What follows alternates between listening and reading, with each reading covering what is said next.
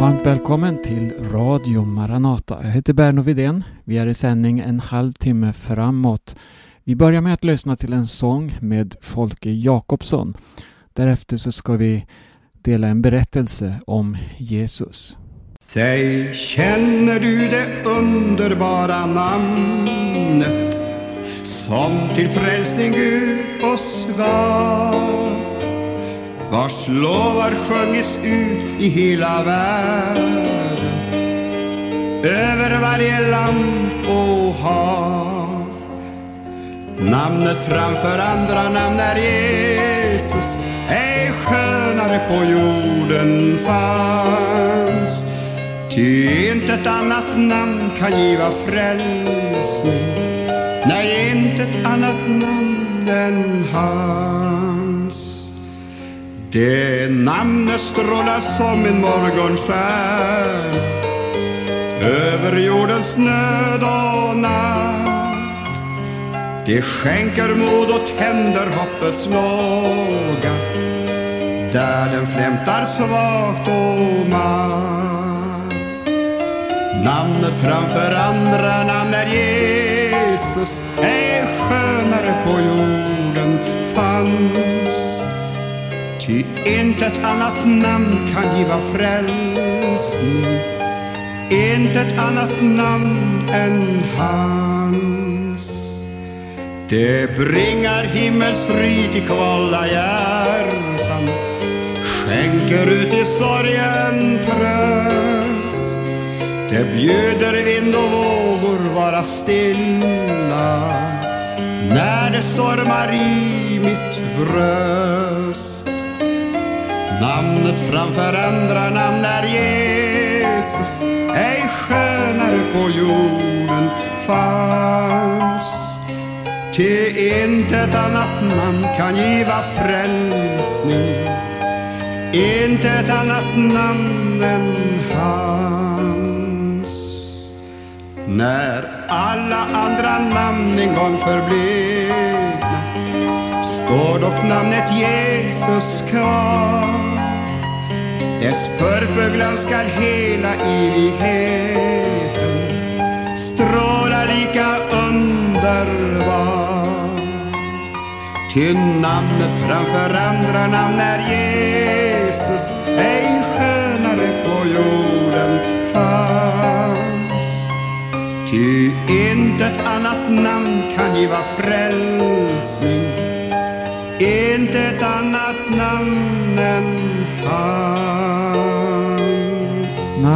framför andra namn är Jesus och i inget annat namn finns frälsning. Vi hörde Folke Jakobsson framföra sången här. Och det är ett budskap som eh, ja, jag väldigt gärna vill dela med er som lyssnar. Det finns nämligen ett namn som är över alla andra namn.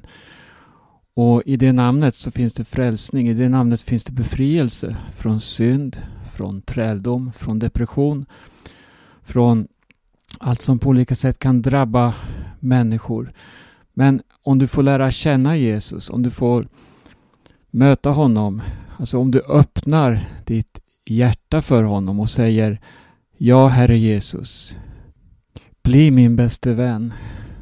Jag tar emot dig, Herre, som min frälsare. Förlåt mig min synd. Och då ska du se att han skapar ett nytt liv inom dig. Ett liv med mening, ett liv som aldrig någonsin kan dö. För att Jesus, han har också besegrat döden. Jag ska beröra något här. Det står i Bibeln väldigt mycket om vägen till Gud. Och där framställer Bibeln egentligen en helt omöjlig väg. Den talar om att leva upp till den nivå som Gud kräver för att kunna ha gemenskap med människan. Gud, han har gett människan lagen. I Gamla Testamentet så kan vi ju läsa speciellt om den lag som blev överlämnad till Mose då han var uppe på berget Horeb, eller på Sinai berg. Och där fick han ta emot stentavlorna och Gud hade där gett då det som allmänt är känt som de tio budorden. Och löftena till den som håller lagen, det är fyll den, uppfyll den, lev efter den och du ska ha ett rikt liv, du ska bli välsignad och så vidare. Men det visade sig att ingen människa förmådde, ingen människa kunde uppfylla lagen till punkt och pricka. Snarare blev det så att lagen uppenbarade väldigt mycket av den synd och den smuts som fanns hos människan. Onda tankar, onda gärningar och så vidare. Och det här förde ju med sig många tråkiga konsekvenser både för enskilda människor också för hela nationen Israel. Ehm, sen kommer vi till den tid som har delat historien i två. Det som handlar om ett före och ett efter. Det var då Jesus blev människa. Han trädde in i historien och han eh, började att förkunna ett budskap som gjorde att människor drogs till honom. Människor lyssnade på ett speciellt sätt för man såg att Jesus, han hade något som var annorlunda, något nytt. Människor, speciellt då fattiga människor, utstötta människor, såg att Jesus hade inte anseende till personen. Man var vana med att leva under förtryck från eliten, från de som var högt aktade, religiösa ledare, politiska ledare och så vidare. Men så kommer Jesus och han söker upp det som ingenting var i den här världen. Och så räcker han ut sin hand, inte för att fördöma men för att lyfta upp. Och Det är någonting av det här jag vill beröra, skillnaden mellan lagens krav och det budskap som Jesus kommer med. Han kommer med ett nådens budskap till människan. Hur är detta möjligt? För det första, vem är Jesus? Var kommer han ifrån? Vad har han för befogenheter? Vilken makt och myndighet har han? Bibeln är klar på den punkten. Jesus, han är Guds son. Han är svaret för människan. Alltså Gud sände sin son Jesus hit till världen. Och Johannes skriver så här, för att var och en som tror på honom inte ska gå förlorad utan ha evigt liv. Det här är alltså en gåva från himmelen till hela mänskligheten. Det här är det som hela gamla testamentet pekar fram emot. Det talar om honom som skulle komma och det talar om honom som ett svar på människans djupaste längtan och innersta behov, nämligen att bli fri från skuld, fri från synd, att få uppleva tillfredsställelse i sitt liv inte genom materialism, inte genom eh, allt som vi möter då i tiden av nöjen och njutningar och så vidare. Nej, ingenting av detta, för det leder bara till död och bitterhet. Men Jesus kom och han erbjuder ett helt annat liv. Någonting som är bestående för tid och för evighet. Jag talade om lagen och nåden. Människan, hon är sig lik i alla tider. Eh, också på Jesu tid. Det fanns en speciell grupp människor som eh, hade ett uppdrag gentemot folket. Det var nämligen att, att hålla Guds lag vid liv. Man skulle visa människor eh, hur man skulle leva man skulle lära sig Guds bud och så vidare, hålla högtiderna och leva på ett rätt sätt. Eh, problemet det var att det blev ofta ett hyckleri i allt detta. De som gick där med detta uppdrag, de ställde sig ovanför massan och pekade finger på alla som inte var tillräckligt goda. Och bara det var ju ett eh, högfärdsproblem, eh, alltså en synd i sig. Jesus, han var så annorlunda. Och jag vill dela en berättelse som eh, på ett speciellt sätt visar på Jesus och hur han agerade och hur han värderade människan. Det står nämligen i Johannes evangelium, det åttonde kapitlet. Här så möter vi Jesus. Han var ju i Jerusalem. Han var vid en plats där folk ofta samlades, tempelplatsen. Det var här alla debatter fördes. Här skulle allt redas ut. Här skulle man eh, få svar på frågor om den rätta vägen. Här kunde man döma om saker och ting. Om någon handlat orätt och så vidare. Och här satt Jesus.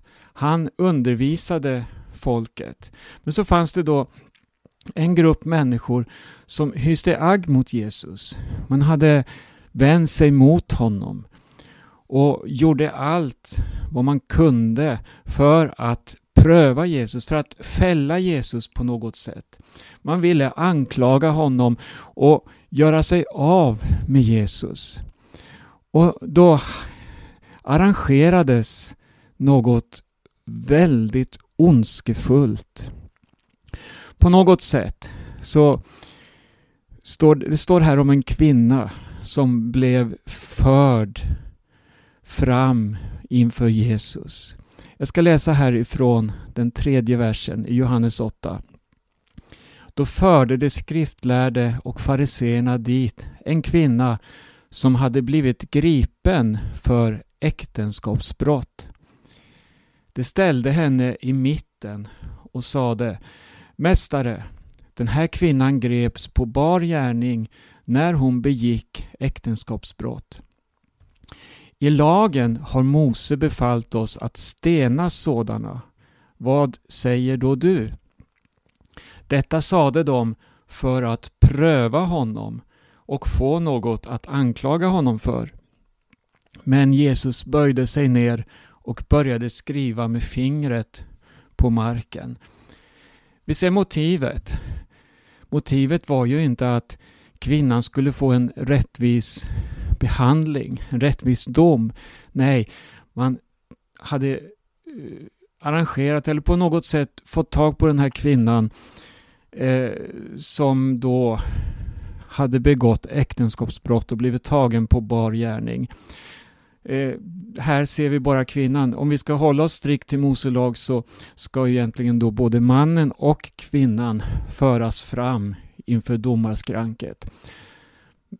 Allt tyder på att det här var ett arrangemang för att fälla Jesus. Man ville måla in Jesus i ett hörn och nu tyckte man att nu hade man Jesus här i en schackmatt position. Han skulle aldrig kunna ta sig ur den här situationen. På vad sätt skulle han agera? Hur skulle han svara? Skulle Jesus säga Ja, lagen dömer kvinnan till döden. Hon måste stenas. Då skulle man fråga sig, men vad har då hänt med nådens och barmhärtighetens budskap som Jesus menar sig representera? Men skulle han säga låt henne gå, hon är fri, döm inte henne, ja då skulle han också gå emot Mose lag och säga att, att lagen är överflödig. Nej, Jesus han sätter verkligen allt på sin spets. De försöker och de trodde att nu hade de Jesus inmålad i ett hörn. Nu skulle han tala emot sig själv och avslöjas vem han var. Denne unge profet som hade trätt fram. Han var inte mer än 30 år gammal drygt. Men Jesus, han besvarade inte deras fråga när de sa Vad säger då du? Hon ska ju stenas enligt Mose lag. Nej, han böjer sig ner och så skriver han med fingret på marken. Vers 7. När de fortsatte fråga honom då reste han sig och sade Den av er som är utan synd kan kasta första stenen på henne. Sedan böjde han sig ner igen och skrev på marken. När de hörde detta började de gå därifrån, en efter en, det äldste först, och han blev lämnad ensam kvar med kvinnan som stod där. Det är många som har frågat sig, vad skrev Jesus på marken med sitt finger?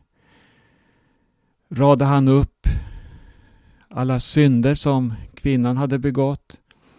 Radade han upp synder som alla andra människor begått? Onda tankar? Jag vet inte. Det är många som har frågat sig. Eller var det Mose lag han skrev där med sitt finger? Det, oavsett vad han skrev så hade det en oerhörd effekt.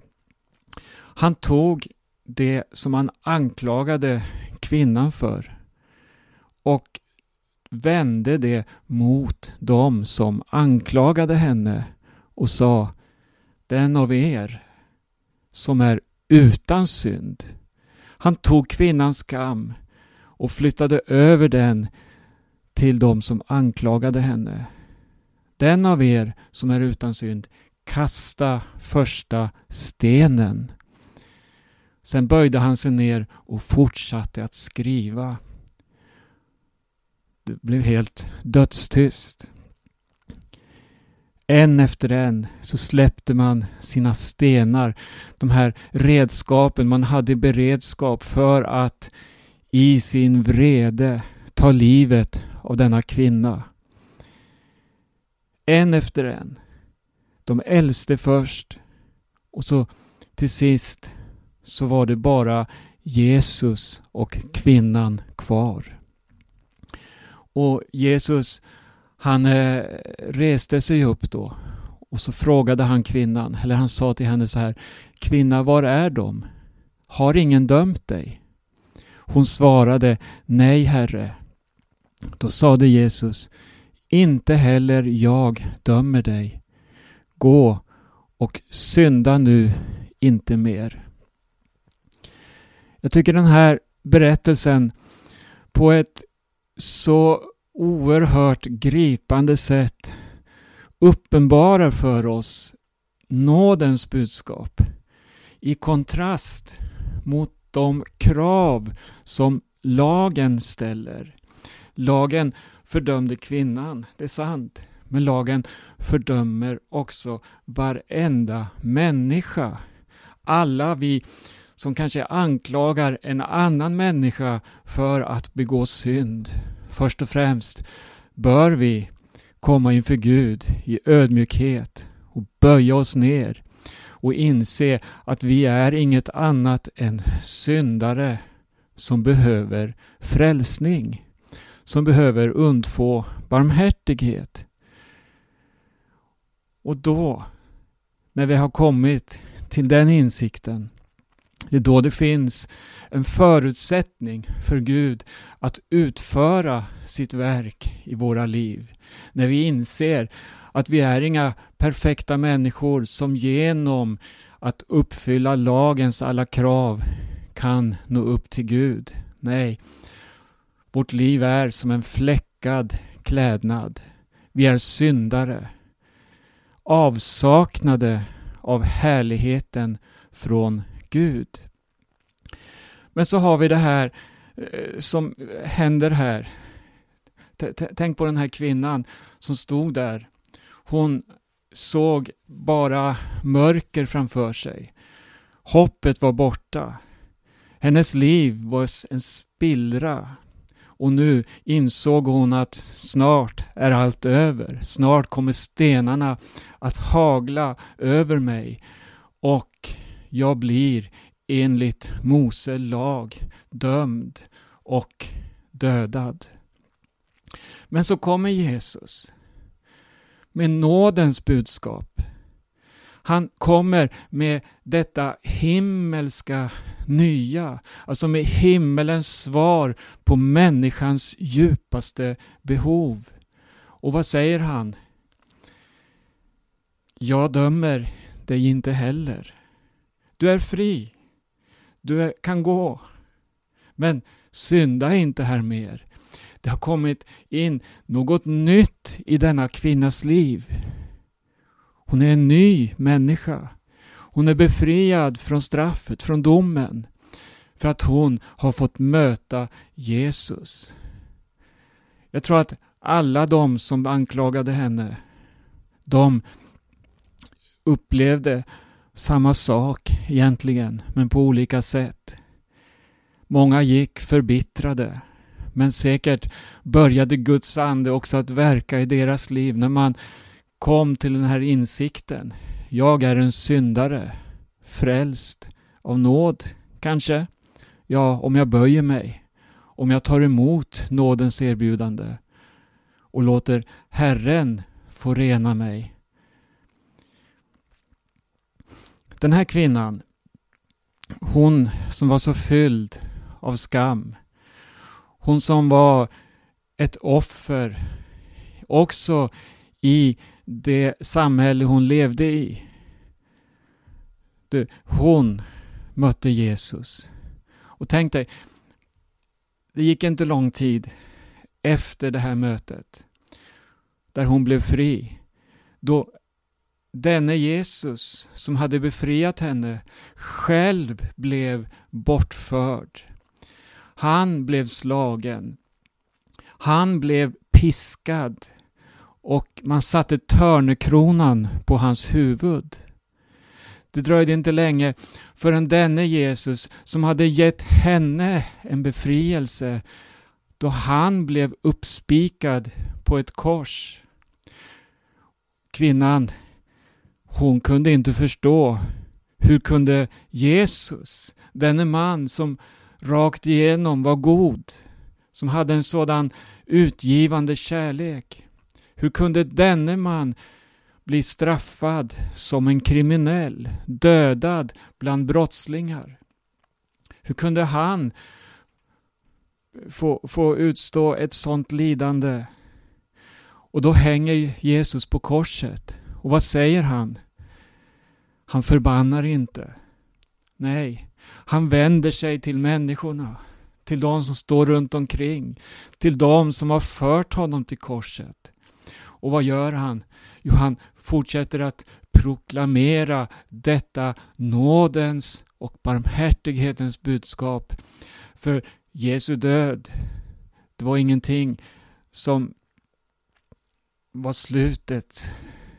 Nej, du, han ropar ut då han hänger på Golgata.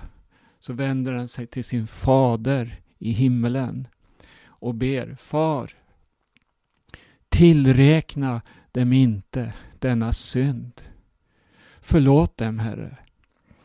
Till och med när han hänger på Golgata och bär mänsklighetens synd i sin kropp upp på korset till och med där så beder han denna utgivande bön. Fader, förlåt dem. På samma sätt som när han mötte kvinnan. Du, tänk dig den här bilden. Jesus, han skriver i smutsen, i sanden, med sitt finger. Ett budskap som får varje människa svarslös. De som anklagade, den anklagade. Alla stod där Och Jesus, han skriver i smutsen och nu hänger han på Golgata och bär människans smuts, människans synd, människans skam, alla sjukdomar, allt lidande i sin kropp. Och så kan man säga att han utplånar skuldebrevet. Han utplånar synden i ett nu. På det sättet att varje människa som tar emot honom, att varje människa som vänder sig till honom och som ber till honom, Herre, förlåt mig, rena mig, skapa i mig, Herre, ett nytt liv.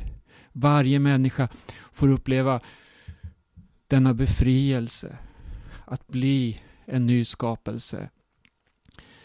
Kvinnan blev fri. Många människor har efter henne fått samma erfarenhet. Jag har fått möta denne Jesus. Jag har fått uppleva denna befrielse. Jag har fått bli en ny skapelse i honom. Han har lyft av en tung börda från mitt liv, syndabördan. Och så får jag ropa ut att jag är ett Guds barn. Det står så här i Romarbrevet kapitel 8. Vi ska läsa det här till sist. Så finns nu ingen fördömelse för dem som är i Kristus Jesus. Ta emot den hälsningen och Gud välsigne var och en.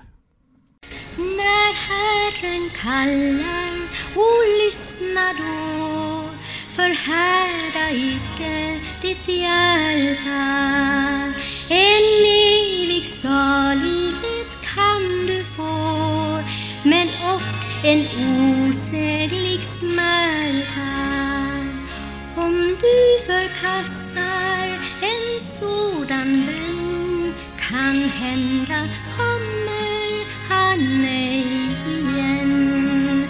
Har du ej stannat och gör ditt val Det gäller livet och döden. Den breda vägen kval Men ingen tröst ut i nöden. Har du ej valt, käre, gör det nu. Var skall du hamna, avgör just du. När Herren kallar, då vill du ej. Det är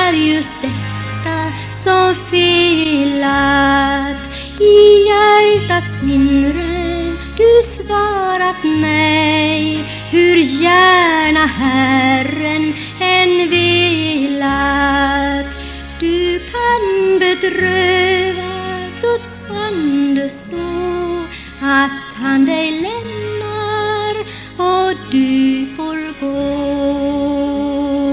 Du kanske haft någon sökningstid som du ej mer får till tillbaka.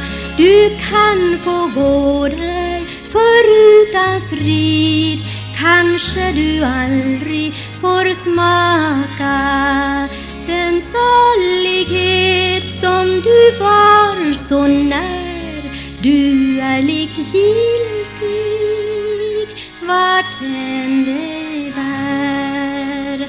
När Herren tiger då det så att du ej mera kan väckas.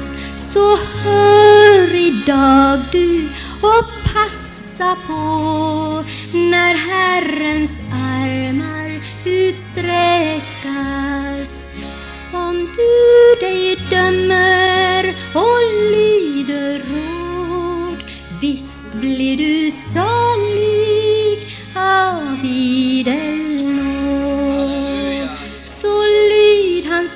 Du lyssnar till Radio Maranata och vi tackar för oss för denna gång. Jag heter Berno Widén. Gud välsigne var och en och på återhörande.